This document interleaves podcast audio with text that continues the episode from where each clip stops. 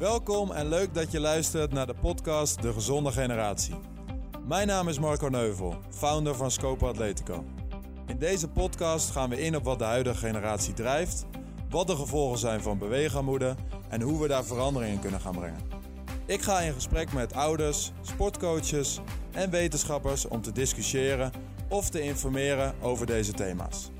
Luister, leer en heb plezier van deze aflevering.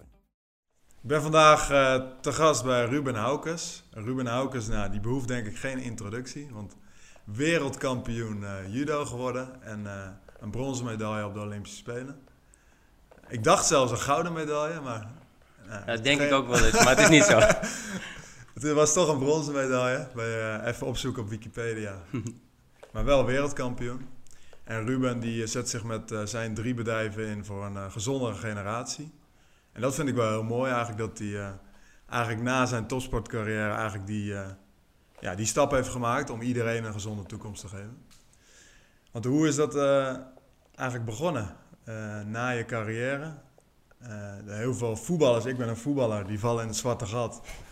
Die denken, wat moet ik nou gaan doen? Vroeger begonnen ze een sigarenzaak en nu hebben ze geen idee. Gaan ze hun geld investeren in panden of andere dingen?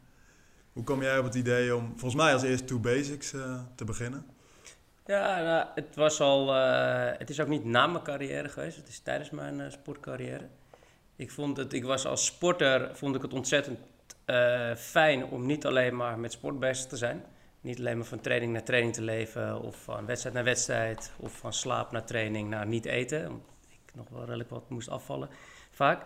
Dus ik vond het heerlijk om te studeren. Uh, ik heb na het VWO HEO gedaan en ben daarna in Haarlem bij een reclamebureau terechtgekomen met twee ongekend mooie ondernemers die me heel veel hebben meegegeven. En met name ook de liefde voor het uh, marketing-communicatievak uh, nog veel meer versterkt hebben. En in 2004 ben ik samen met een oud judoka, Two Basics inderdaad, begonnen. Ziggy Tabaksnik was, of is nog steeds mijn zakelijk compagnon. En uh, we waren gewoon jong, jeugdig, hadden heel veel ideeën en wilden graag ook uh, uh, ondernemertje spelen, denk ik. en met name ook omdat we gewoon, we hadden gewoon een, een, een interessante, hele opportune blik. En vonden ook dat het veel beter kan op heel veel fronten. Schopten ook vaak tegen schenen aan. En het leek ons gewoon heel erg mooi om in, dat, in het diepe te springen. Zonder dat we eigenlijk heel veel ervaring hadden.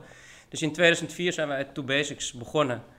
En uh, we zijn nu dus al een tijdje bezig. En uit Two Basics zijn verschillende uh, bedrijven ontstaan die we uh, verzelfstandigd hebben. En nu inderdaad hebben we drie bedrijven die, waar we nog eigenaar van zijn. Maar het is in 2004 al begonnen. En ik ben in 2010 is, heb ik aan het begin van het jaar bekendgemaakt dat ik geen wedstrijden meer zou gaan doen. Dus ik, Zes jaar gecombineerd? Ja, oh, ja, oké, dat wist ik niet eens. Joh. Ja, en ik, ik vond het heerlijk. Ik vond het heerlijk om uh, tijdens mijn studie al uh, in de trein terug uit Nieuwegein van de bondstraining uh, te leren, om in boeken te duiken, te lezen. En ik vond ook echt lekker om, toen we eenmaal begonnen waren met Two Basics, om op een trainingskamp in Braunschweig in Duitsland na te denken na een training over ondernemen en over het bedrijf waar we mee bezig waren. Dat vond ik ook lekker. Mhm. Dus uh, ik heb dat geperiodiseerd. Ik kon heel goed plannen. Ik kon het heel goed organiseren.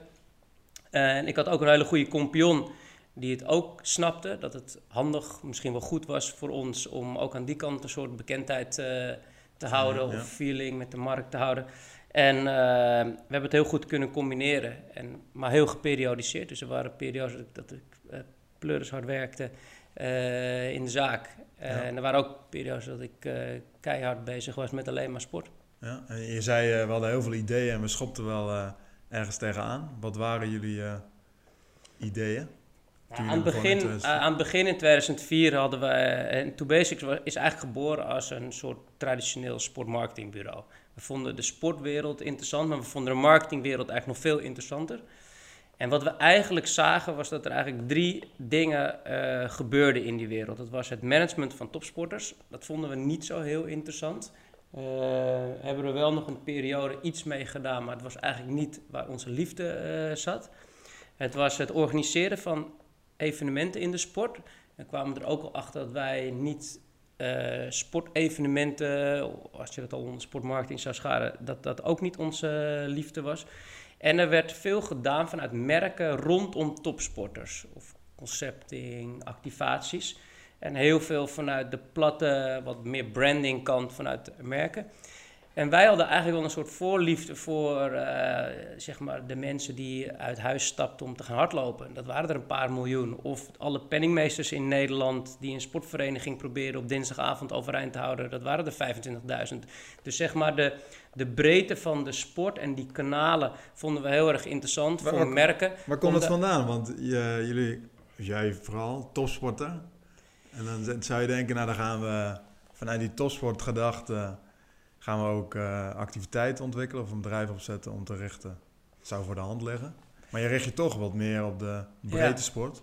Ik weet niet. Ik, uh, topsport was uh, super fantastisch, maar een periode voor mij wat, waar, niet, waar ik niet in wilde blijven hangen zelf. Ik had ook geen drijf meer om daartussen te blijven zitten of wat dan ook. En ik, het leek mij gewoon veel interessanter voor in dat merkengeweld wat er elke dag uh, is. Je wordt met, vanuit zoveel kanten getarget als consument om iets te zoeken wat een dagelijkse passie is van iemand. En bij dus heel veel mensen blijkbaar is dat of hardlopen, uh, of wandelen, of uh, met cijfertjes in een Excelje lopen prutsen. En, en het idee dat je dat als ingang, als merk neemt, die dagelijkse passie, en daarmee je relatie bouwt, je gesprek start, je onderdeel wordt van de leefwereld van iemand, dat lijkt ons fantastisch. In plaats van de wat met veel respect plattere kant van alleen maar branding via een bereik van topsport.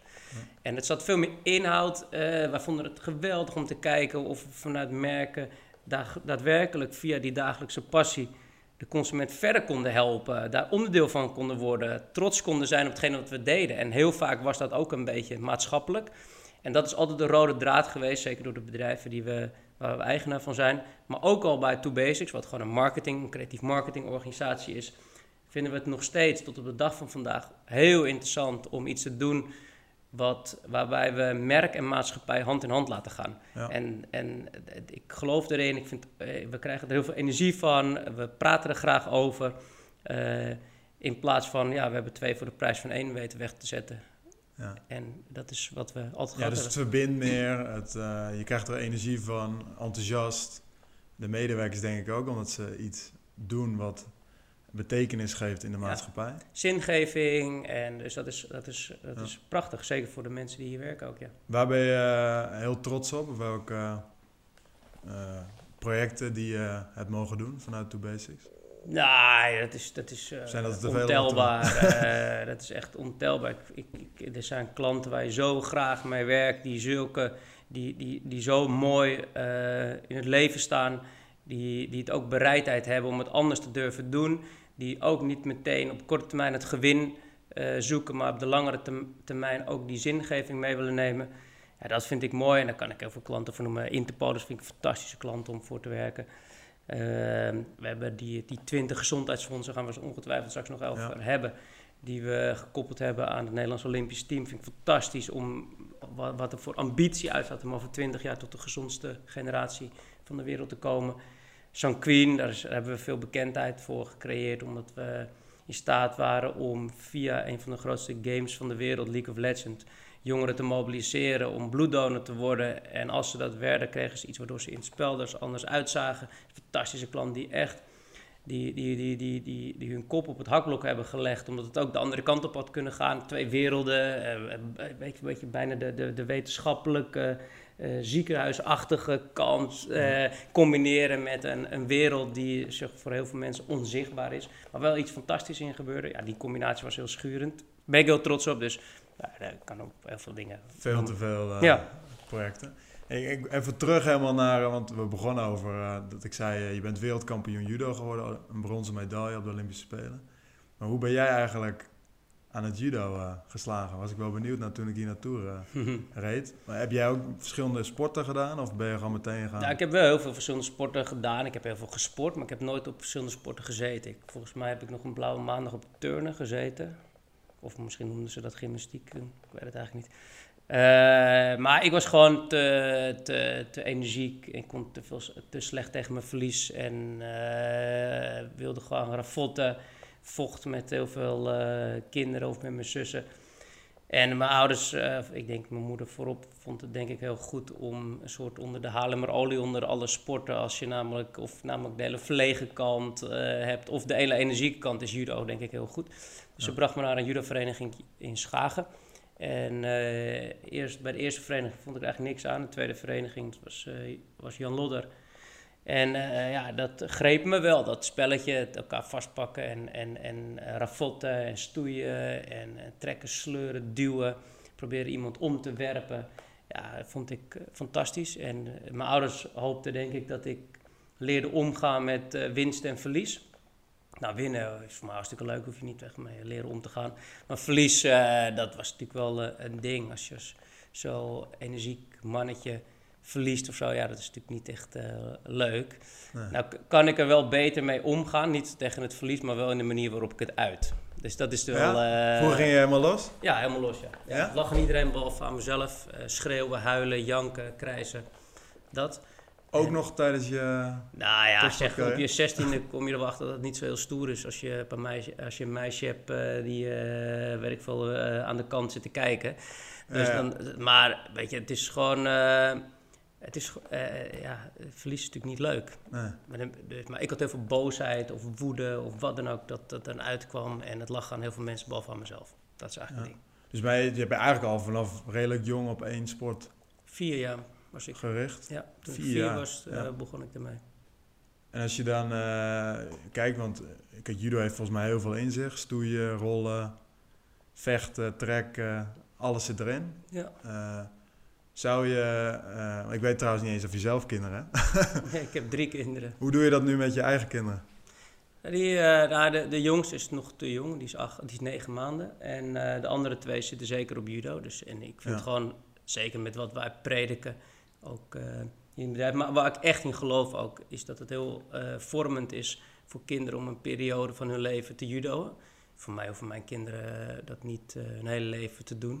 Maar dat hoefde ik ook niet van mijn ouders. Zolang ze dat leuk vinden, dat zegt denk ik iedereen. En ja, als ze iets anders willen, moeten ze iets anders doen. Het is niet zo dat je zegt, nou, naast judo moeten ze ook een, een teamsport. N- beoefenen. Nee, Nee. niet per definitie. Nee. Nee, als ze dat leuk vinden. precies. Als het maar vanuit plezier gaat. Ja, Je, je, je noemde al heel wat waarden eigenlijk die, waarvoor jij dacht. Daarom hebben mijn ouders gezegd, oh, judo zou wel wat voor Ruben zijn. Eh, daaruit is ook vanuit die waarden, die gedachte, schooljudo, denk ik, ontstaan. Eh, kun je daar iets over vertellen van wanneer je dacht, daar moeten we iets mee gaan doen?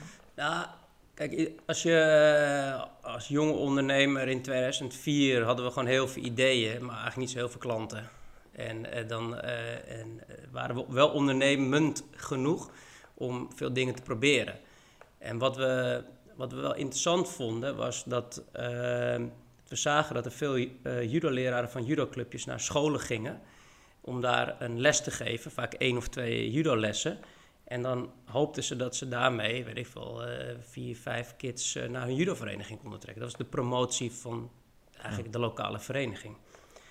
Eh, wat we ook interessant vonden, is dat we wel in een steeds verharderde maatschappij eigenlijk leven, waar het niet meer normaal is om elkaar een schouderklopje te geven of eh, eerst te luisteren voordat je reageert. Eh, waar pesten op scholen een hot topic was en is eh, nog steeds, leek het ons heel interessant om iets te beginnen vanuit onze achtergrond, met onze, nou ja, let's say in die tijd beperkte kennis over merken en marketing. Maar het leek ons wel interessant om een merkje te bouwen wat zich bezig ging houden, niet zozeer met de sport, maar met de, de waarden, de vormende waarden die door heel veel ouders nog wel in hun hoofd zit als het gaat over judo. Oh, het is wel goed als mijn kind inderdaad zo stil is of verlegen is of niet zo stevig in zijn schoenen staat om dan een periode te gaan judo. Ja. Of, oh ja, mijn kindje is hartstikke druk, daar moeten we iets mee, die- dat is wel goed om, om dat lijfelijke, dat fysieke, ja, die uitlaatklep eh, te krijgen. Dus wij eh, bedachten schooljudo. Wij, eh, wij keken of die domeinnaam vrij was. En die was vrij. Dus wij, eh, net zoals school zwemmen, dat was de enige naam die een bond denk ik geclaimd had. En, en wij hadden dan schooljudo.nl. En wij hadden dat idee. En, en het idee van dat moet gewoon heel erg ja, plug-and-play georganiseerd kunnen worden. Dat was eigenlijk, anders kunnen we er nooit een business van maken. En er zat, uh, zat best wel veel idee achter. In oké, we doen dat zes weken op school, zes weken na school, zes weken op de vereniging. Om ook een soort drietrapsraket richting sportparticipatie te creëren. Maar het doel met name vanaf het allereerste moment was: het gaat niet over die heupworp, het gaat over wat kinderen leren. Aan de hand van die vormende waarden die in het judo zitten. En dat idee hadden wij en wij, wij, uh, wij noemden dat schooljudo. Wij zeiden we nemen eigenlijk alles weg wat een school in de organisatie uh, ja, zou bemoeilijken of de drempel verhoogt. Dus wij zorgen dat we de roosters op elkaar afstemmen. Wij regelen pakken, matten, de juiste tijd de leraar. Uh, wij, wij, doen alles eromheen. En als je wil, sturen we een persberichtje naar de lokale media. Dat was eigenlijk ons idee. En, en, wij dachten maar aan één club die dat in één keer groot met ons zou kunnen doen. Dat was de Judobond. En wij gingen naar de Judobond toe. En wij werden eigenlijk met pek en veren weggestuurd.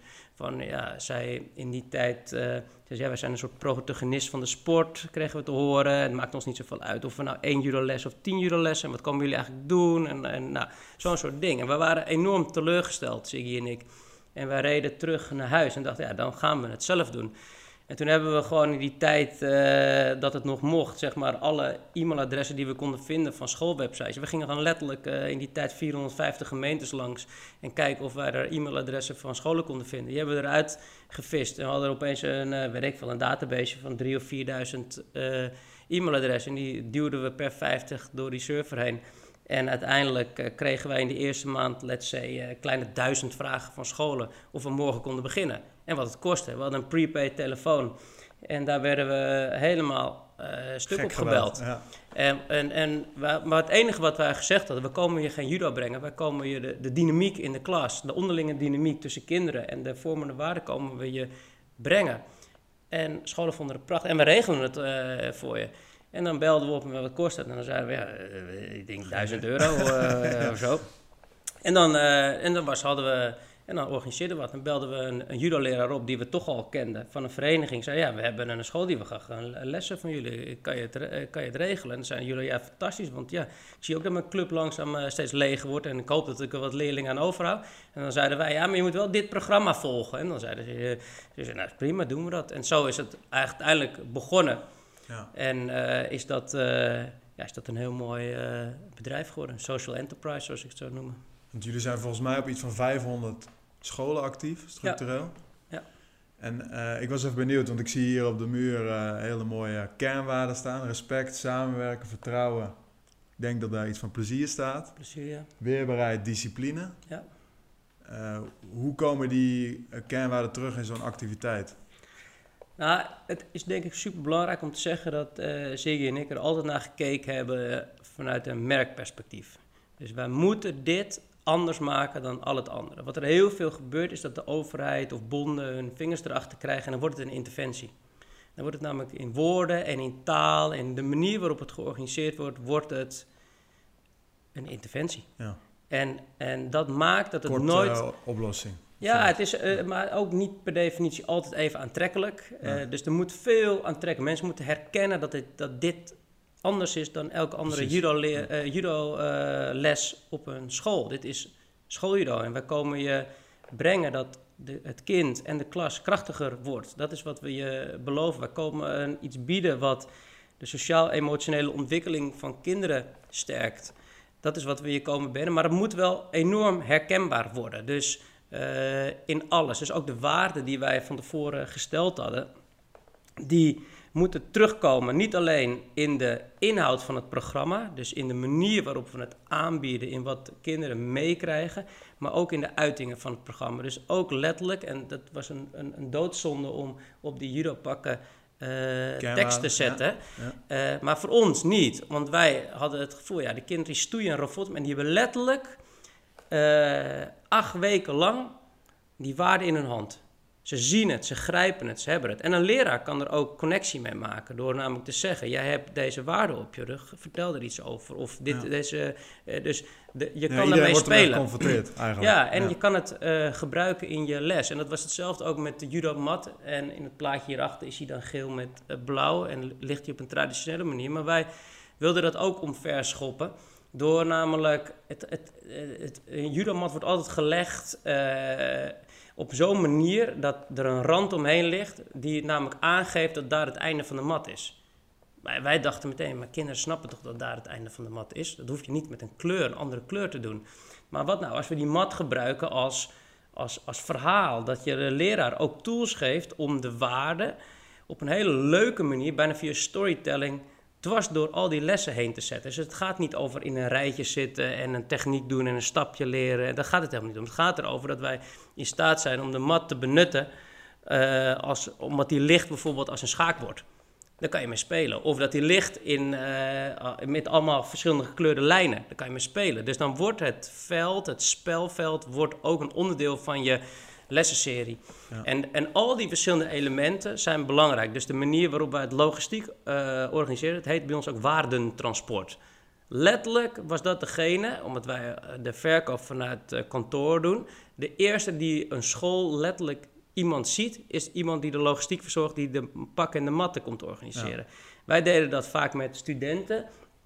Ehm, en die, ja, die werden door ons gedwongen, omdat het een krap gefinancierd programma is. Zo snel mogelijk die pakken, die matten ergens in een hoek te duwen, weg te gaan, et cetera.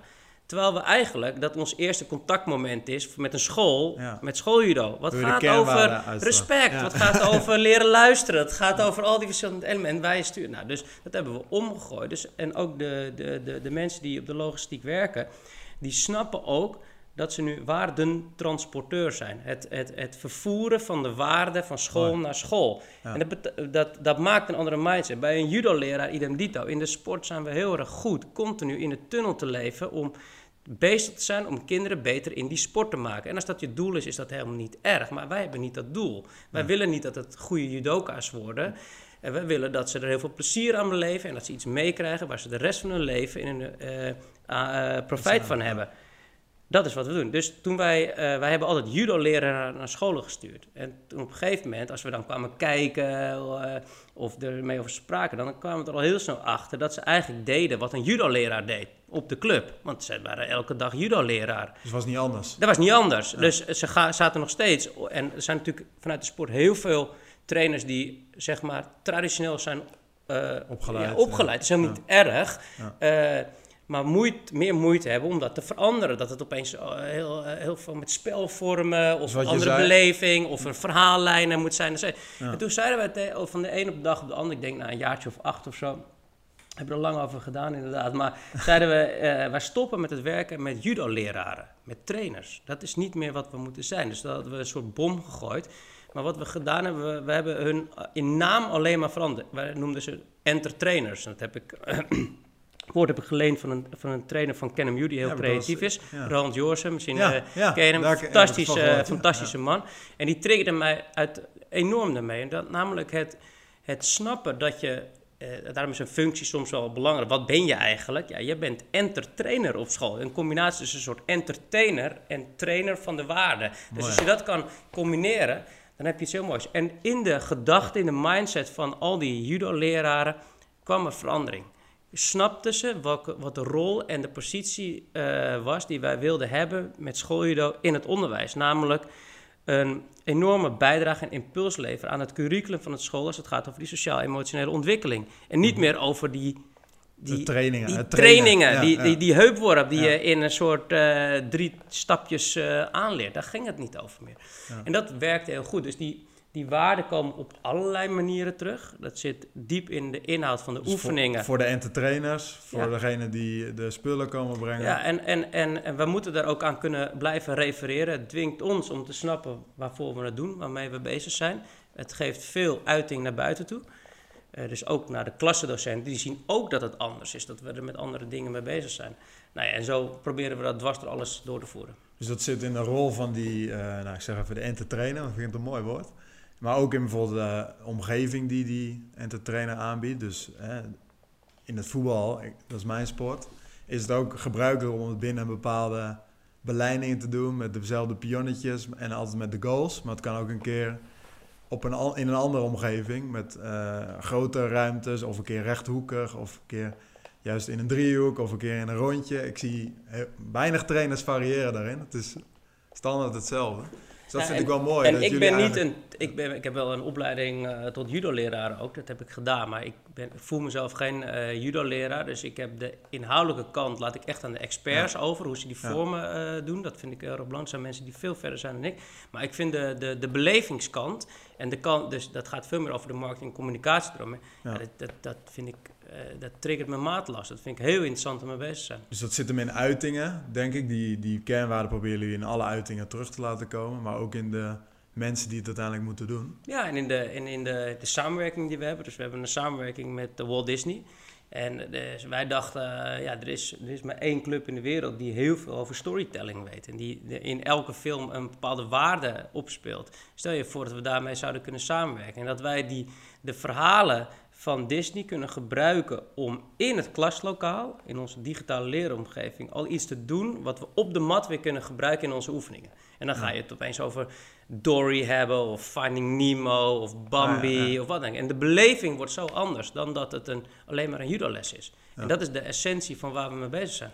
God, er is nog zoveel te winnen als ik dit allemaal eh, hoor. Voor, eh, ook voor, nou, ik denk ook nog in de judo-sport, hè. dat zei je net zelf ook al. Voor op scholen, maar ook in allerlei andere sporten. Gewoon dat beeldspraakgedeelte, wat je nu aanhaalt. Ja. Dat dat kinderen zo aanspreekt, waardoor ze vanzelf gaan en lol hebben. Ja, en plezier is dan de, is bij ons het fundament. Echt letterlijk Ja. met de hoofdletters F, U, N. eh, Is, dat, dat, dat is gewoon het fundament. Ze leren veel sneller, beter, fijner als het gewoon met een glimlach is. En wij, wij gingen zo ver dat wij op een gegeven moment, eh, riep ik dan, toen ik er nog iets nauwer mee betrokken, bij betrokken was, van wij moeten ook gewoon een soort eh kept promise indicator hebben. Dus we moeten gewoon iets beloven, want als we dat niet nakomen, dan, dan hebben we het slecht gedaan. Dus en dat was bij ons was dat elke les, elk kind met een glimlach, glimlach van de mat af moest komen.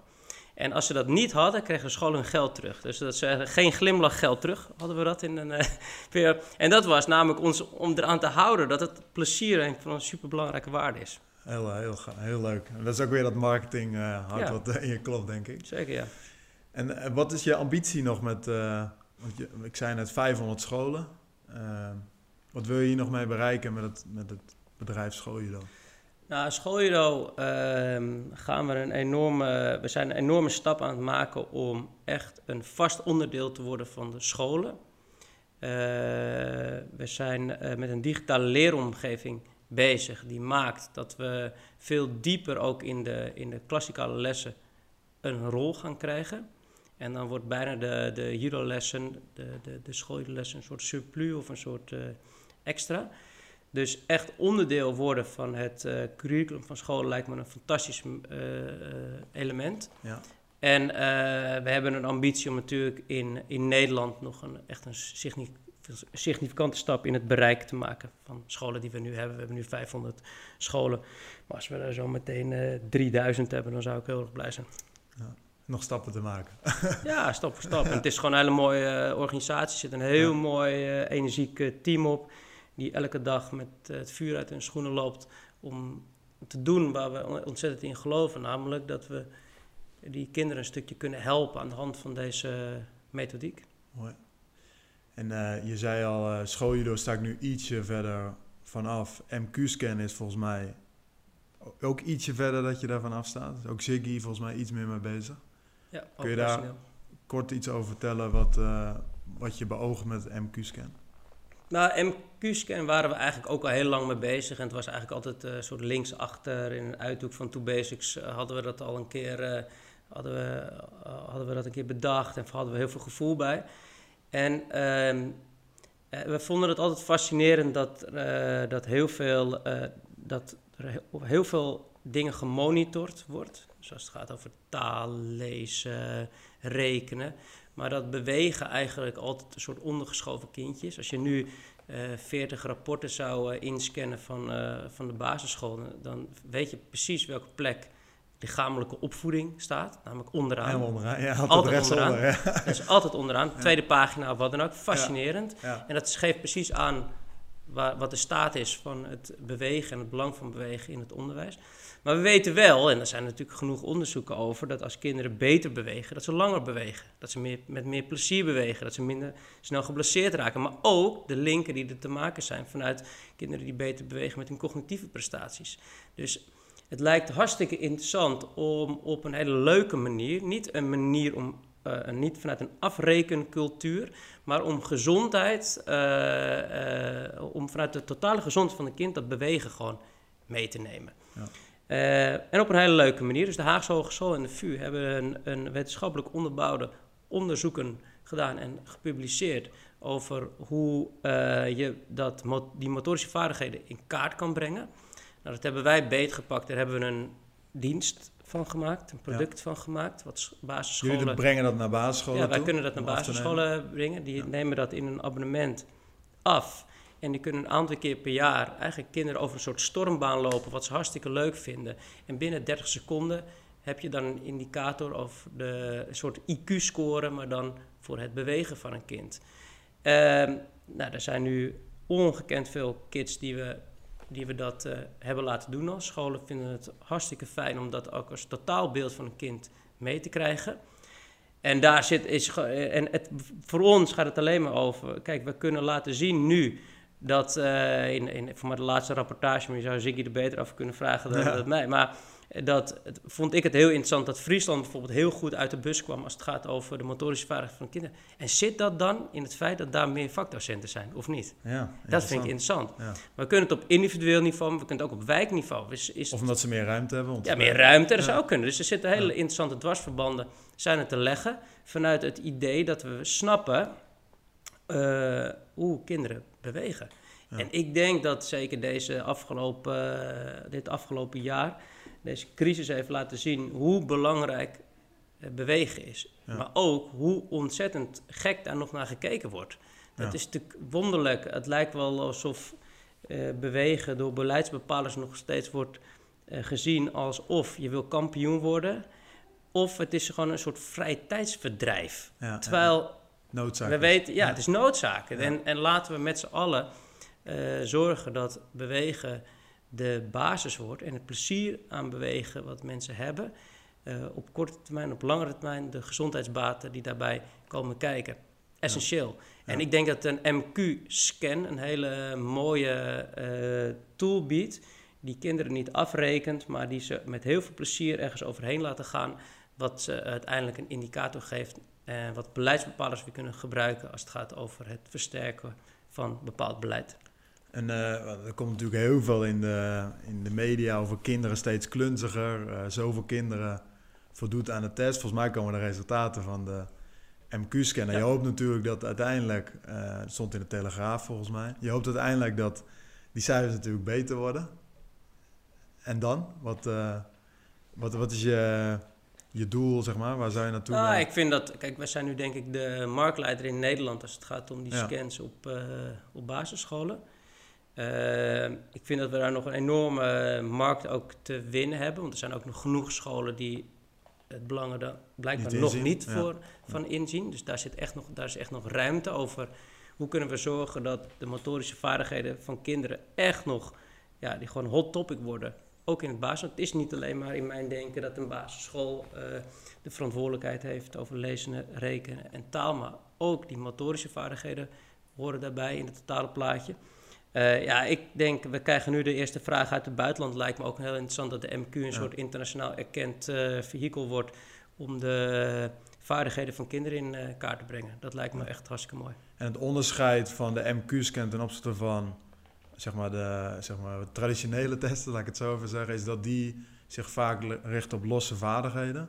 Ja. Volgens mij, dus je gaat balanceren op een balk of ja. dat soort zaken, of springen op de plek. Terwijl dit een parcours is wat je, waarin je alle grondvormen eigenlijk achter elkaar Ja, dus de visie is inderdaad dat je dat bewegen is niet geïsoleerd. Ja. Dus, je, dus uh, juist de combinaties tussen verschillende vormen van bewegen maakt dat kinderen dat wel of niet kunnen, of tijd verliezen. Dus je kan balans niet als een losse vaardigheid. Nee, dus het is ook niet in, zeker niet in de sport. Ja, misschien, misschien kan je dat eh, in gymnastiek een, als een hele separate oefening uh, doen. Maar in voetbal, ja, ja, balans, je krijgt toch een schouderduw, denk ik. En dan moet je daarna weet je, wel iets kunnen doen. Of, of springen, ja, versnellen of, of springen of uh, in één keer een bal kunnen schieten op een bepaalde plek. Dus het, het is die context waar die, binnen dat gebeurt wat belangrijk is. En daar denk ik dat, los van dat we volgens mij een enorme voorsprong hebben als het gaat over de, de digitalisering, wat wij in de MQ's-scan gebracht hebben. Maar ook deze filosofie die door ASM is ontwikkeld, is, mhm. is, is denk ik een fantastische nieuwe manier van kijken naar bewegen. Ja, mooi. Ik ben uh, benieuwd. We gaan het in de gaten houden, ook het buitenland. En ik heb laatst nog een keer met uh, wat mensen van de Zweedse voetbalbond gesproken, maar die gaven eigenlijk hetzelfde probleem aan als in Nederland. Dus uh, nou, ja. Zweden zijn jullie ook welkom. Uh, jij had het al even aan, het project De Gezonde Generatie met 20 gezondheidsfondsen. Ook ondersteund door NOC-NSF, verschillende topsporters in beeld gezien die een steentje wilden bijdragen aan dit project.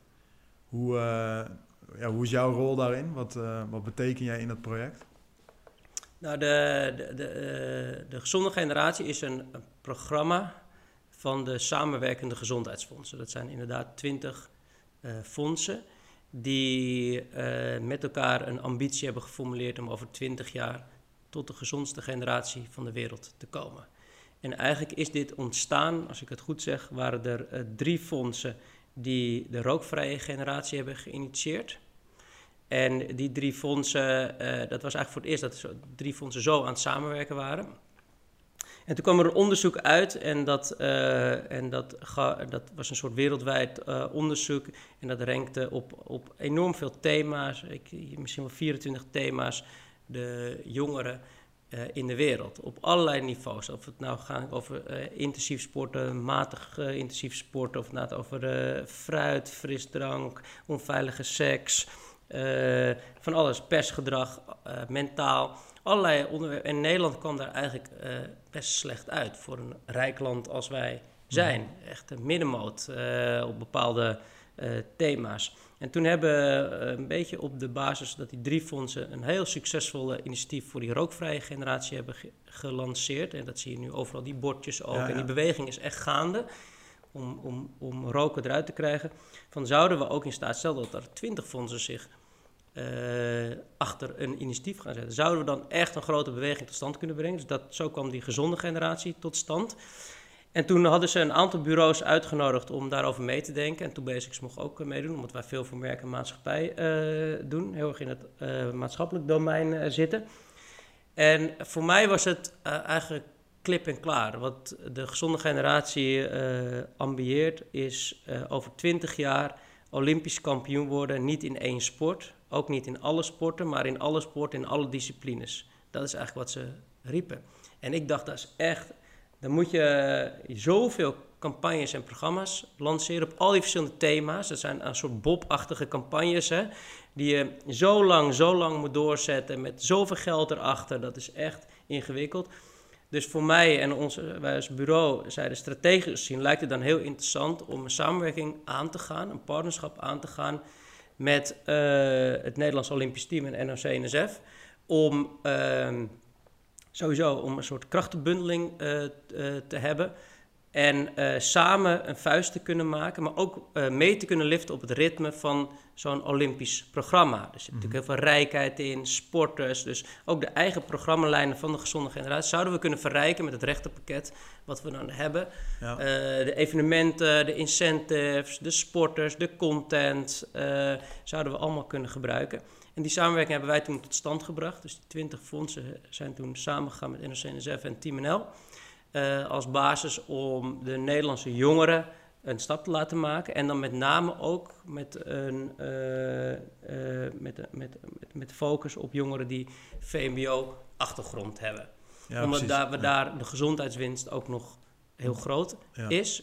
Ik ben in de sport uit veel meer uit de gebroken gezinnen ook, maar dat, dat zou ook heel interessant zijn. Dus die samenwerking zijn wij aangegaan en wij als bureau begeleiden wij dat. Um, we helpen met de campagnes en de programma's, de initiatieven, het projectmanagement ervan.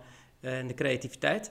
En het is, uh, het is een, een, een, een onwerkelijk interessant uh, traject. Ja, kan me ehm, voorstellen. In de ambitie die erachter schuilt, want die gaat verder dan ik ooit zelf had kunnen dromen als, sporter.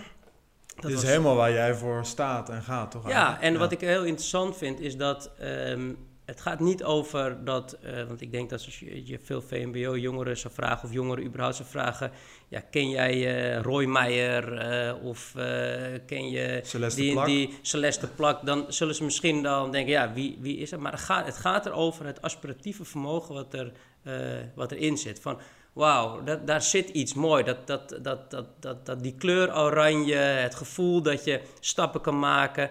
Maar dat gaat met vallen en opstaan, dat hoeft niet altijd. In een omgeving die dat ook stimuleert. Nou, wij als sporter hebben dat ook gezien. Dus je hebt je ouders, je vrienden, de, de, de, de coaches, iedereen in die omgeving... Die, die, die, die denkt op een bepaalde manier en die helpt je op een bepaalde manier om dat maximaal eruit te gaan. Dus dat, dat, zou ik iedereen in Nederland gunnen. Dat Maak oranje, stappen. Dat oranje gevoel eigenlijk. Wat nou, in ieder geval het idee van, ik, ik zou het kunnen halen. Weet je, ja. ik kan stappen. Ik, ik wil de ja. beste... En je hoeft niet kampioen te worden. Dat, ja. dit, deze hele samenwerking is niet gestoeld op het feit... dat we iedereen olympisch kampioen willen maken of wat dan ook. Maar veel meer dat je mag zijn wie je wil zijn. Dat, mag, dat je mag durven dromen wat je zou willen dromen. Of dat nou de beste kapper is die je wil worden... of uiteindelijk wel, uh, weet ik veel... Uh, uh, in het Olympische team volleybal wil eindigen. Dat maakt mij niet zoveel uit. Maar het gaat erover dat je dat moet durven.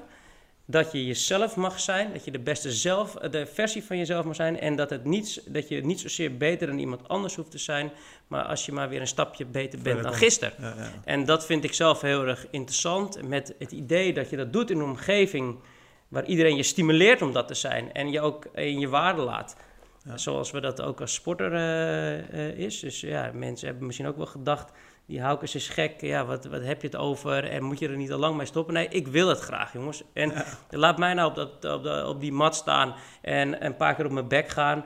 Uh, dit is wat ik wil. En laat mensen in hun waarde, laat ze dromen, stimuleer ze om dingen te doen. Dat vind ik het, het mooie van deze samenwerking. Van ja. dat, het, dat, het, dat het mag en dat het kan. Want ik zag eh, ook in een reactie op social media volgens mij staan van... Ja, waarom worden nu de Team NL-sporters gevraagd als gezicht van deze campagne? Want het gaat toch om iedereen. Uh, dus die begrepen dan denk ik de, de boodschap niet. Ja, nou ja, er zijn de hele tijd mensen die, uh, die het misschien... Of doen wij het, we kunnen het nog ook nog ongetwijfeld veel beter doen. Maar het gaat, het gaat niet per definitie om de persoon, de Team ja. NL'er. Het gaat niet over die als gezicht. Het gaat over het idee dat je, dat je ambitie mag hebben, kan hebben...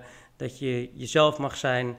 Dat of je, je nou topsporter wordt of... Ja, dat maakt helemaal niet uit. Ja, en, ja. en we gebruiken daar het, de, het aspiratieve van het Nederlands Olympisch Team ja. voor.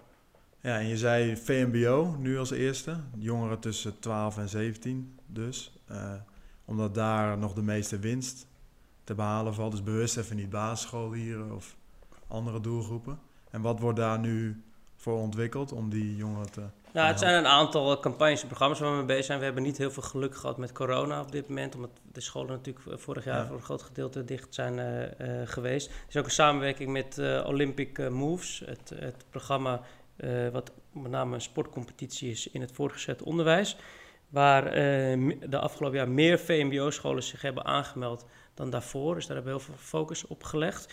Waarbij het voorheen vooral was ook om ja, tegen elkaar te strijden. Maar ik vind Olympic Moves, en helaas is dat programma wat, uh, uh, ja, doordat die scholen niet open zijn, moeilijker. Maar het verbreden van en het verrijken van het programma om meer uit jezelf te durven halen, of te ontdekken wat je kan en wat je leuk vindt, is daar de ambitie daarvoor. Voor de rest zijn er programma's en campagnes gericht op de rolmodellen die in die omgeving een superbelangrijke rol spelen. Of nou trainers, coaches, vakdocenten, ouders, vrienden zijn die dat maken.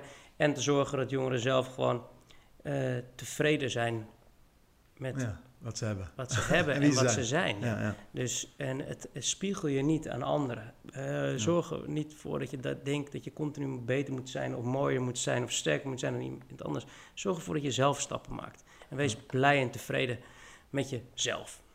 Mooi. Nou, ik heb uh, heel veel tips en adviezen tussen de regels doorgehoord waar uh, trainers wat mee kunnen, docenten die luisteren, uh, beleidsmakers, bestuurders bij clubs.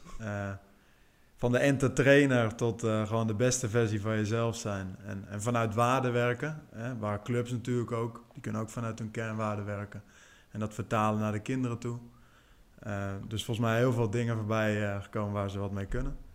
Ik wil jou eh, bedanken voor eh, het gesprek. Ik ga MQ-scan, schooljudo en het project To Basics in de gaten houden. Bedankt eh, voor het gesprek en hopelijk tot een volgende keer. Graag gedaan. Bedankt voor het luisteren naar de podcast De Gezonde Generatie. Hopelijk heeft het je geïnspireerd en wil je samen met ons van beweegarmoede naar beweegrijkdom gaan en zo de wereld een klein beetje beter maken. Laat ons weten wat je van deze aflevering vond via onze Facebookgroep De Gezonde Generatie of via andere socials. Tot de volgende aflevering van De Gezonde Generatie.